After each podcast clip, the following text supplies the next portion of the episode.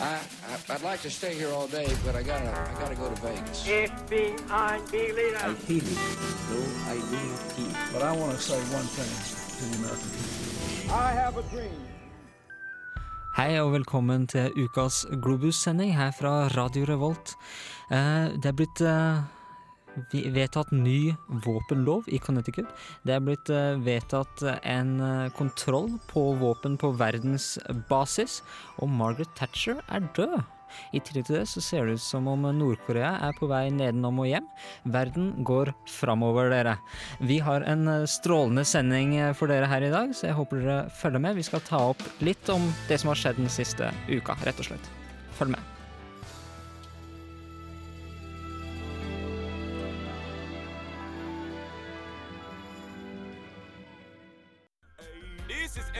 100, fighting the evil, music for the people. Keep it locked, lock it off. One more time. Du hører på Globus, og før det så var det eh, The Gaslight Anthem med The 59th Sound. Bra gruppe der fra Jersey, faktisk. Eh, vi snakker om hva som skjer i verden i dag, og jeg har lyst til å starte med den store headingen i alle britiske medier eh, i dag. Det er at eh, Margaret Thatcher har dødd av et slag. Uh, og noen vil kanskje si at det var 30 år for seint, men bedre seint enn aldri. uh, mens andre er åpenbart, åpenbart uh, veldig lei seg. Hva, hva, hva slags følelser har dere rundt Margaret Thatcher? Jeg innser at dere kanskje er litt, litt, litt unge til å huske, huske henne som statsminister. Hva slags følelser har dere rundt dette? Ja, Ja, eh, jeg påberoper meg eh, å være for ung til å ha noe mening om dette. mm. Vanja er altså kong. Jeg skal kanskje introdusere alle sammen. Eh, dere kan starte. Vanja Trondnes. Mm. Og Knut og Sammer. Oskar Kjetland Rabben. Ja, og jeg, Sigmund Grønli Balmo, er, uh, altså ikke, har jeg altså ikke vært så fornøyd med Margaret Thatcher, som dere kanskje hører, men, uh, men eh, Og er heller ikke gammel nok til å huske hennes eh, virke. ikke egentlig. Nei, altså, Jeg har jo heller ingen personlig erfaring siden jeg er altfor ung, men faren min han uh, var jo student på den tida da Thatcher han var student i Skottland, og Thatcher var i regjering. Og han merka jo at uh, studentene ble, ble virkelig begrensa, fordi det var et oppgjør da, hvor uh, de, eh, friheten som var med at eh, denne innfluksen av mennesker som kom til Storbritannia, ble jo sterkt begrensa.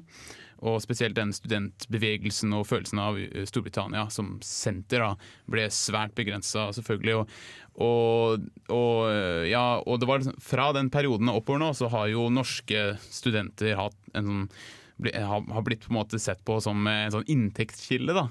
Og det er litt med Thatcher å gjøre, for hun starta i den derre ja, så det skal være engelsk, og alle som kommer hit, skal jo, vi må jo få litt av dem også, og så Ja. videre. Ikke sant? At hun satte opp prisene på universitetene Mm. i forhold til det Labour tidligere hadde hatt. Og det er vel litt av det her, den, eh, det kontroversielle rundt, rundt Thatcher. Alle er egentlig ganske fornøyd med, med at hun vant Falklandskrigen, ikke sant.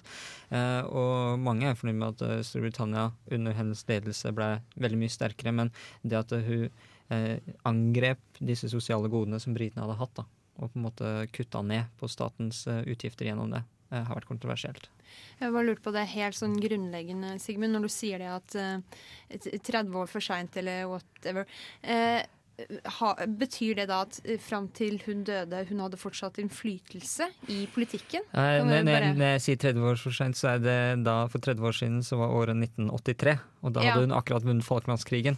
Uh, og gjort, eh, gjort uh, kanskje det som hun er veldig kjent for, da. Uh, som, som positivt for Storbritannia.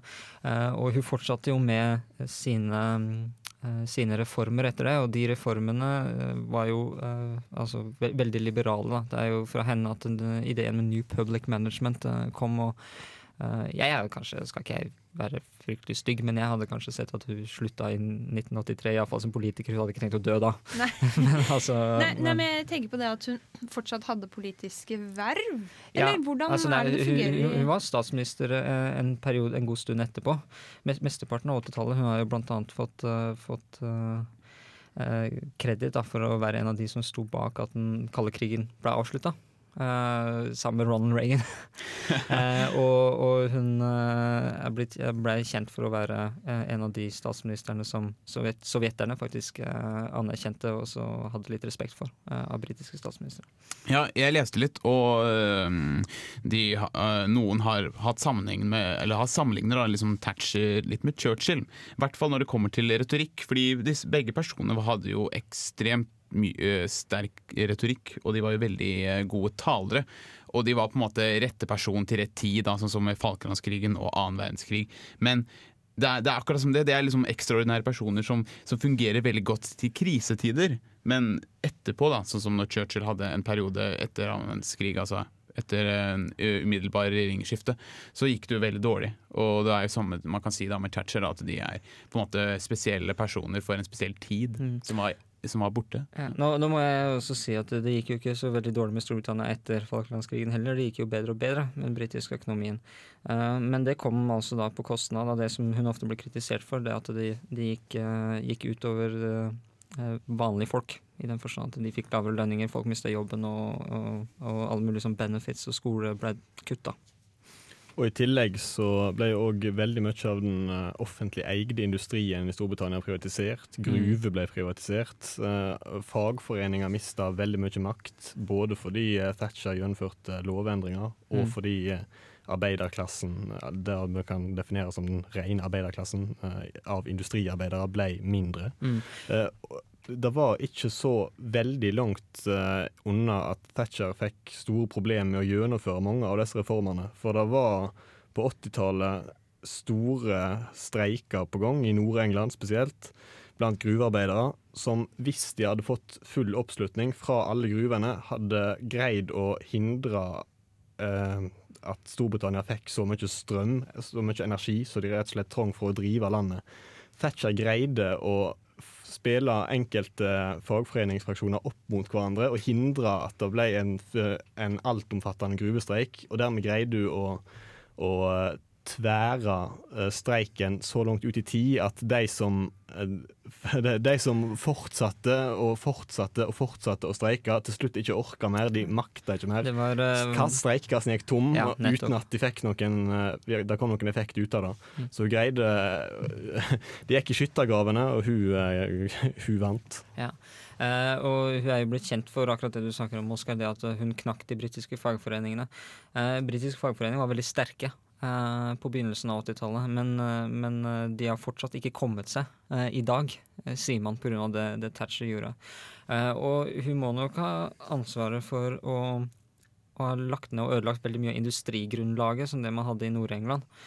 Eh, som hun mente selvsagt var eh, altså Eh, Det var for kostbart, det gikk ikke med overskudd, eh, og det måtte, måtte legges ned. Det var bare utgifter for staten. Men eh, det førte nok til at det, førte nok til, det førte til at veldig store deler av Nord-England ble eh, altså, hengende igjen. da. Eh, I en slags fattigdomsmyr som de eh, har problemer med å komme seg ut av. Det var litt, litt om Thatcher, altså kontroversen rundt henne. Hun satt jo faktisk som baronesse i Overhuset eh, fram til hennes død, selv om hun var kanskje ikke så aktiv på slutten. da. Men interessant liv. Første kvinnelige statsminister i Storbritannia. Eneste kvinnelige statsminister i Storbritannia. Samme som her i Norge. Eneste vi har hatt er Gro Harlem Brundtland. Når kommer neste i Storbritannia? Det ser ikke ut til at noen er i emning nå med det aller første. Det, det har jeg virkelig ikke peiling på. For at du ser ingen, sterk, veld, ingen veldig sterke kvinnelige Ingen. politikere i Storbritannia. Det er litt synd. Uh, Altså, altså Energien da i det politiske hierarkiet i, i Storbritannia ser ut til å være litt tappa. Mm. Eh, det er litt synd. Alle de store britiske lederne har jo vært kvinner, vet du, med unntak av Churchill, kanskje. Elisabeth den første og Victoria og ja. De har dronninga. De har Damene. dronninger. Det er liksom Ja, det som er er, sterk, Ja, er det, det, dronninga Elisabeth er fortsatt sterk. Hvis, eh, God save the queen! Ja. Uh, men vi skal gå litt videre. Det skjer andre ting i verden. Nå først får du Sigurd Ross med 'Brennestein'. Sigurd Ross, det er uh, 'Brennistein' på Radio Revolt. Du hører på Globus Radio Revolts utenriks- og politiske program. Eh, vi prater litt om dagsaktuelle temaer i dag. Vi har ikke noe overordna tema. Eh, og i, den anledning så har jeg lyst til å gå litt over på den nye våpenloven som er blitt eh, vedtatt i USA. For det, amerikanerne har jo hatt problemer med, med håndvåpen, Knut. Og nå ser det ut til at det endelig er i ferd med å løsne litt, da, kanskje? Ja, eh, I 1. april eh, så var det da tre måneder siden at det var en massakre som, eh, på Sandy Hook grunnskole i Connecticut. Og det fikk dem da 1. april til å vedta en lov som var, som de kaller det mest revolusjonære og sterkeste lovvedtaket som er gjort i landet noensinne. Og det den generelt sier, er at eh, den bannlyser kjøp av, eh, av uh, stormrifler og stormvåpen. Uh, eller assault rifles, som de kaller det. Uh, og at de også setter begrensning, at man må ha lisens for å kjøpe rifler og hagler og ammunisjon til disse typer våpnene. Og Før da, så kunne jo hvem som helst, til og med barn jeg, jeg, har snakket med noen, det var sånn, Du kunne gå inn i en gunshop og være et barn og si jeg skal kjøpe det til foreldrene mine. Og det, det er greit, det var ikke noe lisens i det hele tatt. Eh, Og Det setter de da en stopper for. da. Og annet som er viktig, er at eh, folk som har hatt, eh, som er sikta for som har gjort krenkelser, som er våpenrelaterte krenkelser og lovbrudd, de blir da sett inn i de, det, Dette blir satt på rullebladet, så de blir overvåka. Og våpenhandlere, eksempel, eller de som tenker å selge våpen, de må da eh, ha en bakgrunnssjekk for å se hvor plettfrie de er osv. Så, videre. så de begynner da endelig å innføre helt grunnleggende regler for eh, håndtering av slike dødelige våpen. Så det er rett og slett en innstramming, altså. Eh, for, min del så høres det jo ganske logisk ut at automatvåpen ikke skal være noe som vanlige folk har tilgang på på den måten. Men det her er nesten litt traumatisk for mange amerikanere, er det ikke det? Altså folk, eh, folk eh, føler at nå tar staten friheten deres fra det, ikke sant? Ja, fordi dette det, det som er Det her er jo essensen i den amerikanske grunnloven, eh, second amendment, som er jo at du skal ha rett til å forsvare deg selv. Eh, Så da har du rett til å bære våpen. Eh, Og dette her da, det som er NRA, National Rifle Association, har jo sett dette her lovvedtaket, de, som jeg uttrykker det, som de eh, sa, eh, at dette er et tegn på begrensning av ytringsfrihet. Rett og slett kommunisme eller fascisme. Det var det de kalte dette. Fordi det er en begrensning av eh, second amendment. Det er nesten eh, jeg føler umiddelbar sammenligning. Hvis, hvis staten skulle nektet oss å kjøpe eller gå med bunad, for det representerer en kultur vi ikke vil eh, vedkjenne oss. Det ville vært så ille. For, altså, jeg føler den sammenligningen er på sin plass. Da. For eh, ikke, at, ikke at jeg forsvarer våpenloven, eller noe, men det sit- stikker dypt i hjertet til veldig mange amerikanere. Det gjør det, altså. Den, eh, den eh, ideen om at man må ha våpen, man må beskytte seg sjøl, eh, går jo tilbake til revolusjonskrigen. ikke sant? Ideen om Minutemen, at alle skal kunne reise seg opp for å beskytte sitt hjem og, og sin stat, altså sin familie, mot alle trusler. Og den sitter, sitter nok hardt, det. Den, western, den cowboy-ideen, er jo Connecticut langt nordøst i USA og en relativt progressiv stat. Men det, de har nok en del, del av de cowboyene, de også. Ja, fordi dette er jo eh, den typiske det har, det har vært Helt siden de tre månedene også har det vært massiv diskusjon både på sosiale nettverk og sånn om eh, disse som er pro og mot våpen. Eh, og mens i Connecticut, da, som er en relativt stat som er styrt av mesteparten majoriteten demokrater, de måtte jo da forhandle med republikanerne for å få vedtatt denne loven. Og det har de da sett som Det har faktisk både pressen og politikerne selv og foreningene mot våpen har hylla dem for at de har greid faktisk å samarbeide for å få denne loven. For vi vet jo at det er veldig vanskelig å forhandle mellom republikanere og demokrater. De sitter, sitter ganske godt fastlåst. Men uh, det her er altså automatvåpen som er bannlyst, og hagler og rifler som nå er blitt strengere kontroll på. Men det er fortsatt mulig å kjøpe håndvåpen, altså pistoler.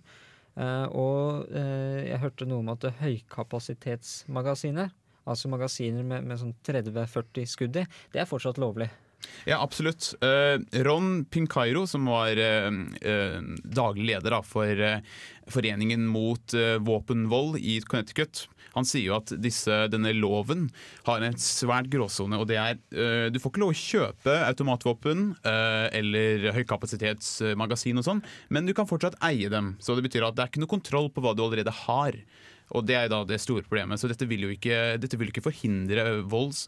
eh, og, hvert ikke, og, det, og det han også var veldig misfornøyd med, var at, at politikerne politikerne ikke gikk videre og bannlyste eller begrensa håndvåpen, altså pistoler, for det vil jo fortsette. Det virker nesten på meg som det her er noe eh, klassisk som går igjen i alle våpenlover og, og traktater. Eh, Det er jo en ny FN-traktat som er inngått nå, som skal begrense kjøp og salg eh, og våpen eh, internasjonalt. Men den, den har også noen gråsoner, eh, Oskar, stemmer ikke det? Ja, det kan oppfattes ulikt eh, av ulike parter, da den eh, traktaten sier. Mm. Han sier at eh, du ikke, et land har ikke lov å selge våpen, da vil si alt fra tanks og raketter til håndholdt våpen, til andre land eller grupper som du vet kommer til å bruke dem til krigsforbrytelser eller overgrep mot sivile. Eh, da overlater jo veldig mye da til de ulike landene å definere hvem som er frihetskjempere, hvem som er terrorister, hvem som, eh, hvem som har eh, hendene sine reine i en krig. Det blir veldig vanskelig å, å bruke denne traktaten til å regulere, regulere våpenhandel. Spesielt når en ser på hvordan det ble stemt i FNs generalforsamling. Det ble vedtatt med veldig stort flertall. Eh, Tre land stemte imot, Syria, Iran og Nord-Korea. De er kanskje ikke det viktigste når det gjelder salg, heller eh, når det gjelder kjøp, muligens fra Syria sin del. Men viktigere enn det er at Russland avsto fra å stemme, Kina avsto fra å stemme, India avsto fra å stemme, flere latinamerikanske land avsto. Bl.a. Blant annet fordi de er redde for at, eh, for at eh, denne noe ulne formuleringa skal bli misbrukt av de landene som, eh, som vil f.eks. hindre Russland i å selge våpen til Syria. En kommentar bare det at Russland avstår fra å stemme, er vel et steg i riktig retning, for de pleier vanligvis å stemme nei. V- Legge ned veto, ja. Ja. Mm. Eh, men jeg, en umiddelbar reaksjon eh, fra Nå husker jeg ikke hvem det var, men fra norske ammoindustrien. Nammo, eller hva det nå heter. Ja, på Eh, Nam Namsos. Na, na, na, Namsos Eller mener du eh, Kongsberg? Du mener Kongsberg Nei, ammunisjonsfabrikk? Nei, nei eh, Namsos yeah. produserer ammunisjonen til Ja, håndvåpen. Okay. Men, Ja. men Kongsberg produserer missilet. Ja, Det det der, ja. Eh, Men umiddelbar reaksjon var jo det at dette er en, en, en enorm fordel for Norge. For Norge har alltid hatt strenge kontroller av hvem de selger ammunisjon til. Eh, sånn at dette er en stor fordel for Norge. Mulighet til å kanskje Rett og slett en industriell Ta en- fordel. Det er litt morsomt Ja, at de ja. ser, ser på det på den måten. Det var liksom det jeg fikk med meg. Ja. Men norske våpen har likevel frem til nå havna både her og der. For eh, vi har ei forholdsvis streng liste over hvem vi har lov å selge våpen til, hvem vi ikke har lov å selge våpen til. Men det er veldig vanskelig å ha kontroll over hva våre handelspartnere da i neste ledd gjør. Eh, USA eksempel, har solgt norske våpen videre til Israel, selv om Israel står på lista over land som Norge ikke har lov å selge våpen til. Og så må vi jo huske at eh, denne loven sier at eh, det har en gråsone med hvem er det som defineres som forbrytere, og hvem er det som defineres som opprørere, frihetskjempere og gode mot onde. Så det, land kan jo bare formulere det som de vil, og så selge det videre. Så det er, dette er, det er jo massive gråsoner i traktaten. Og til og med krigsforbrytelser kan jo altså defineres eh, Sikkert veldig mange vestlige land som vil påstå at eh, nedslagningen av opptøyene på Den himmelske freds plass eh, i Kina ikke sant, var krigsforbrytelser, mens, mens kineserne sier at det var bare interne, eh, et internt oppgjør hvor man slo ned på dissidenter og kriminelle. eh, rett og slett.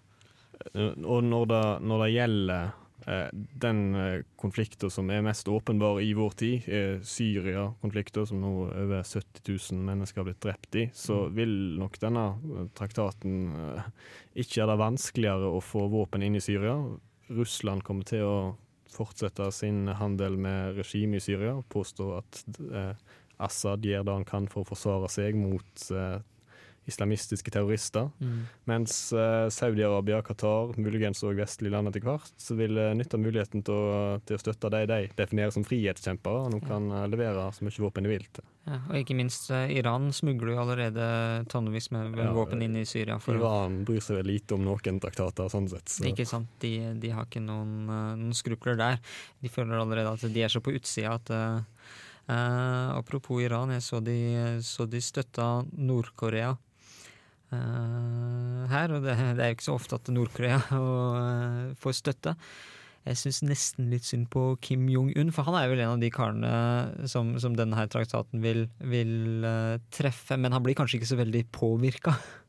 Nei, han uh, får vel ikke kjøpt spesielt mye våpen noen plass for tida. Men uh, de har jo lært seg å produsere både det ene og det andre. De, de ser ut som de klarer å, å produsere både det ene og det andre. Vanja, du har kikka litt på Kim Jong-un. Ja, for han, eh, han eh, Hvordan kan man ikke kikke på Kim Jong-un? Han, han er en deilig mann. Holdt jeg på å si! Nei, men altså, her har du et regime som eh, vil framstå veldig tøft og, og store og sterke, men så legger de opp til den ene flausa etter den andre. Altså, jeg snakker om eh, internettfenomenene, altså, memes og, og mobbing og Twitter. Altså, det er, det er så, så mye morsomt, det er så mye å, å, å leke seg i. Eh, men, men jeg så en sketsj på um, et kjent program som har gått i mange mange år i USA, eh, Saturday Night Live, eh, hvor de har en sånn daily news-bolk. Eh, og der eh, Altså Bakgrunnen er at Har Harlem Globetrotters har vært i Nord-Korea og spilt basketkamp. For Kim Jong-un han er glad i basket, og han er glad i pizza også, det skal sies. Um, og da hadde de gjort en sketsj eh, med Dennis Rodman, kjent amerikansk eh, basketspiller, og Kim Jong-un, som da var bestevenner, og som kom i, i nyhetsstudio for å, å prate om eh, ja, løst og fast. Så jeg, jeg syns det var så morsomt at jeg tenkte at alle, flere må høre dette. Så du har, du har rett og slett eh, tatt det. Skal vi høre på det? Fra, Jeg har tatt saksa klippet. Ja. Ja, det høres fint ut. Uh, men først, før vi hører om Kim Jong-un og Dennis Rodman, så får du Dirty Projectors med Offspring Are Blank. Uh, There's a Fire. Here to comment is Dennis Rodman and Kim Jong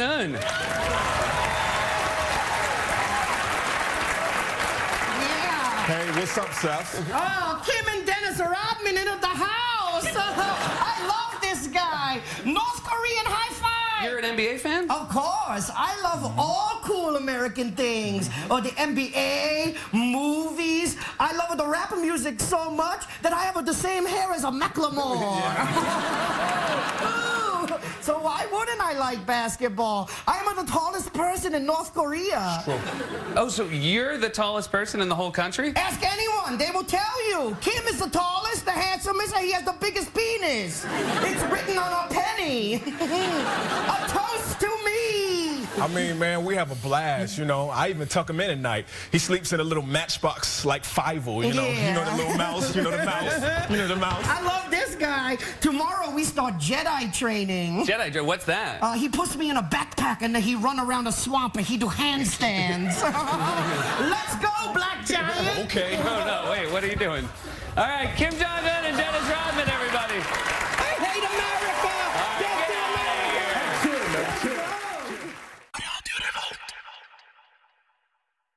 Dråpe med Memories hørte du der på Globus. Før det så var det Kim Jong-un og Dennis Rodman på Saturday Night Live. Ja, det stemmer. Er De to beste kompisene der. Ja. Ganske, ganske utrolig det som skjedde der for noen uker siden. Ja, det er jo Side om side, Dennis Rodman og Kim Jong-un. Ja, ikke sant. Det var Med Eh, piercinger og Dracula. Jeg bare kommer ikke over det bildet. Men, men eh, Kim Jong-un er, er en litt eh, spesiell, litt, en litt artig figur, fordi han har jo studert på Vestlige universiteter, eh, og han tillot Mikke Mus, tror jeg han gjorde. Eh, noe av det første han gjorde når han kom, kom til makta. Folk tenkte at ok, nå er Mikke Mus til at nå kommer snart Donald, og så er det full åpning, ikke sant.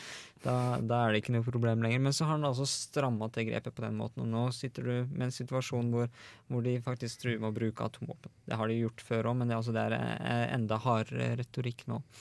Men er det noen som tar dem seriøst? Eh, Det er, det, er, det er nettopp det. I Sør-Korea så ser det ut som folk bare eh, går sin vante gang.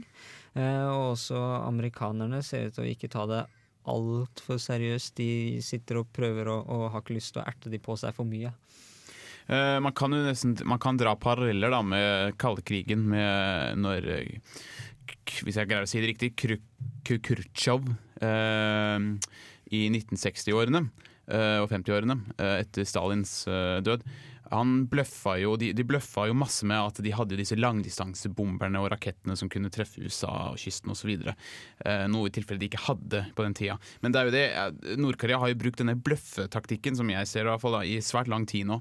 Og ja, I kaldkrigen så var det jo mye mer effekt ut av det, og spionasje. Eh, Men eh, nå jeg, jeg, tror ikke det er Jeg tror ikke det er den samme situasjonen, men det er i hvert fall paralleller. Det kan man se.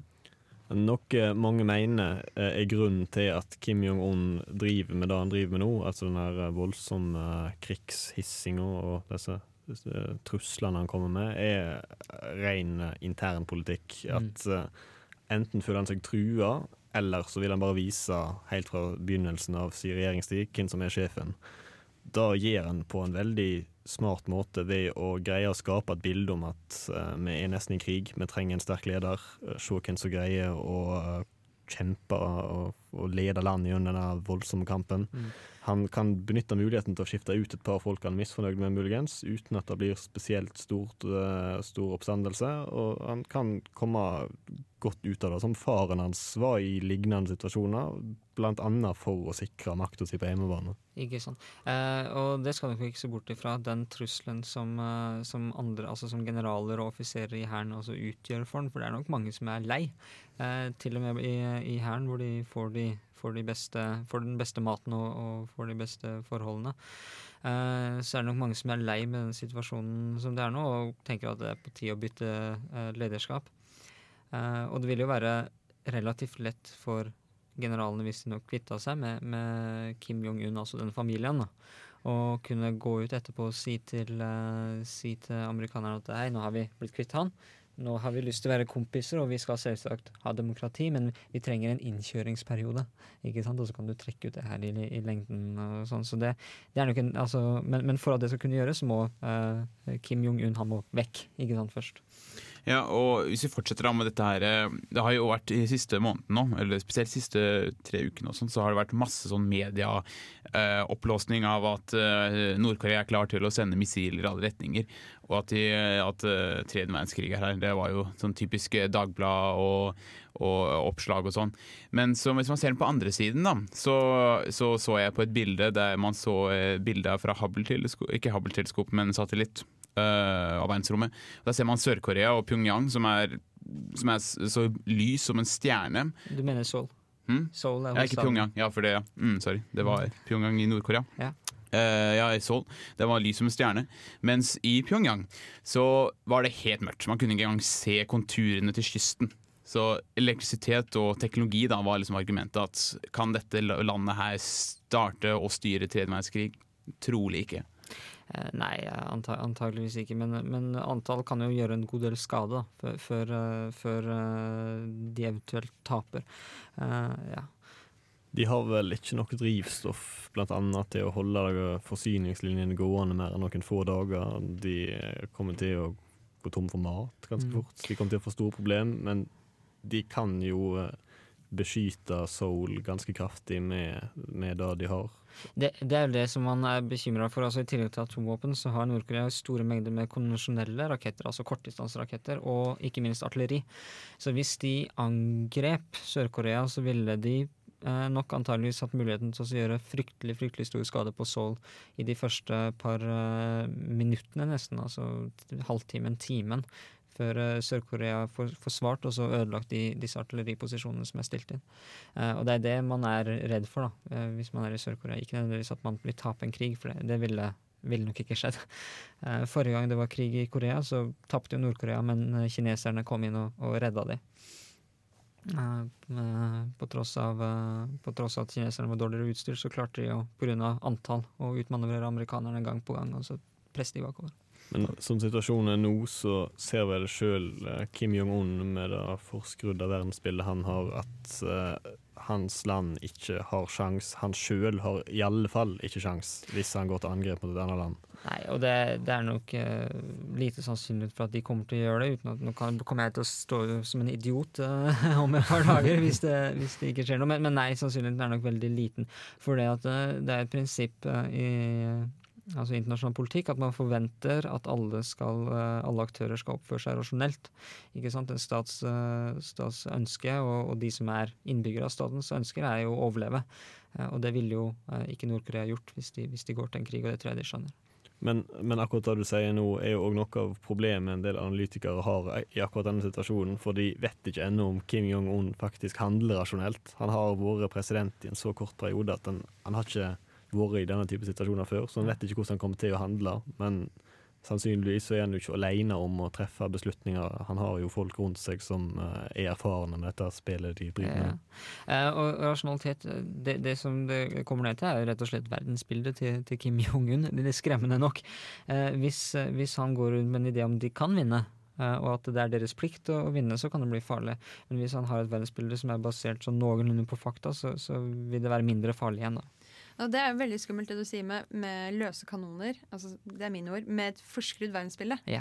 Det, er, det er kjempeskummelt. Jeg vet ikke om noen av dere har lest eh, romanen 1984. Ja. Eh, ja. Mm. Eh, men der er det sånn den, den verden som fremstilles utenfor det landet de eh, personene i den boken lever i. Det, det, alt utenfor er jo ondt, ikke sant? Og, og personer med så overbevisthet og så sterk tro på at alt annet utenfor er ille.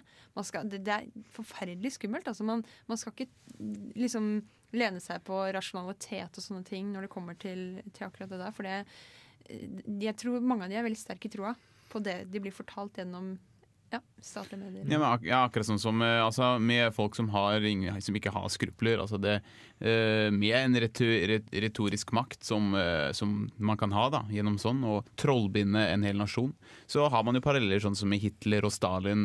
Hva kan skje? Det, er, det vil kanskje ikke ha i den samme skalaen, men det er, det er muligheten er der. Mm.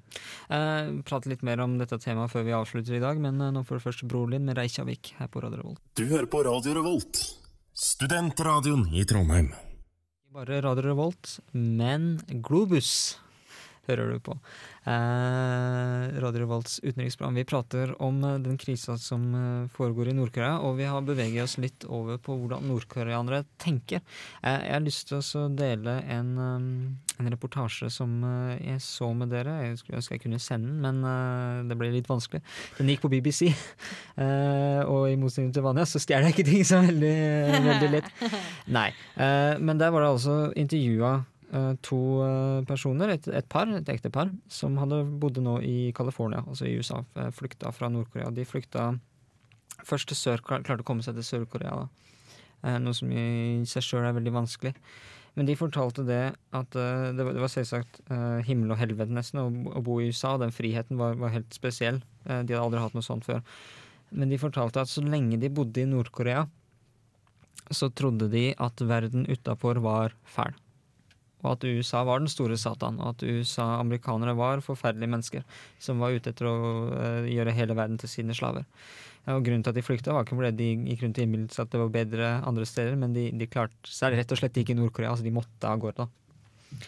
Eh, og det er interessant. eh, Det, at, uh, det som vi snakka om før, før låta også, at du klarer det, det er mulig å, å banke folk så mye og manipulere de så mye at de, de får et helt, helt fordreid verdensbilde. Men likevel så må du jo da ha hatt en eller annen anelse, i alle fall et håp om at det var bedre i USA, eller hvor de nå hadde tenkt seg. Selv om de har fått denne propagandaen banka inn i ørene fra de er små, så er det likevel eh, et eller annet som sier de at det ikke nødvendigvis er sant alt de hører. Nei, ikke sant? Det kan godt være det er den, den ideen at det må være bedre et annet sted. ikke sant? Mennesker har jo alltid et, et eh, ønske om å at tro, altså tro på at det gresset er grønnere på den andre sida uansett. Ja. Eh, og det må være noe bedre. Eh, så ja, et, et lite håp var det nok antageligvis. Men, men eh, skal ikke se bort fra at mange tror på den propagandaen som blir spydd ut på nordkoreanske TV, og det er det som gjør det her farlig, så klart. Eh, det man må håpe på, er at eh, lederne ikke har denne troen. Eh, og det tror jeg ikke. Altså når, når du har eh, sånn Kim Jong-un som er utdanna på Vestlige universitetet, eh, så, så, så tror jeg han, han forstår realiteten altså, av makt i verden. Eh, men, men man kan jo aldri være helt sikker, og det er derfor eh, folk er veldig stressa, blant annet amerikanerne, og, men også kineserne er veldig stressa akkurat nå. Eh, Når, når vi snakker om eh, koreanerne, nordkoreanerne sine muligheter for å få med seg hva som skjer i resten av verden, så er det litt interessant å merke seg at det er ganske mange nordkoreanere, iallfall flere titalls tusen, som jobber i Kina og har, sender penger hjem. Det er en veldig viktig eh, inntektskilde for, for Nord-Korea. Mm. Og når de bor der, så må de på et eller annet vis, uansett hvor godt påpassa de blir, få med seg i alle fall noe av hvordan samfunnet er der. Muligens kan de se litt på TV eller bruke internett. De er ikke så isolerte som de er i Nord-Korea, og da vil de jo, når de reiser hjem, ta med seg eh, ideer og eh, fortelle folk hvordan de har hatt det. Så helt lukka greier ikke Kim Jong-un og hans folk å holde landet. Nei, eh, og det, vel, det var vel også du som nevnte, Oskar, at det finnes signaler i, som du kan få inn. satt, Sat, satellitt eh, til mobiler og forskjellige ting i Nord-Korea. Nord-Korea. altså helt nord, da, mot grensa til Ja. Kina. Eh, jeg vil tro at TV-signaler fra Japan eh, kan eh, nå, nå inn. Og så har du disse ballongene som sørkoreanerne hele tida sender opp, ikke sant. Og muligens kinesisk, russisk radio, sørkoreansk radio. Så lenge du har det teknologiske utstyret til å ta imot dette her, da er jo forutsetningen for alt vi snakker om, vi nevner nå. Mm. Eh, det er også til, til kanskje ja, litt, litt håp for sørkoreanerne, nei, for nordkoreanerne. Og eh, de, de får nok med seg mer enn man kanskje skulle tro, da. eh, på tross av denne propagandaen.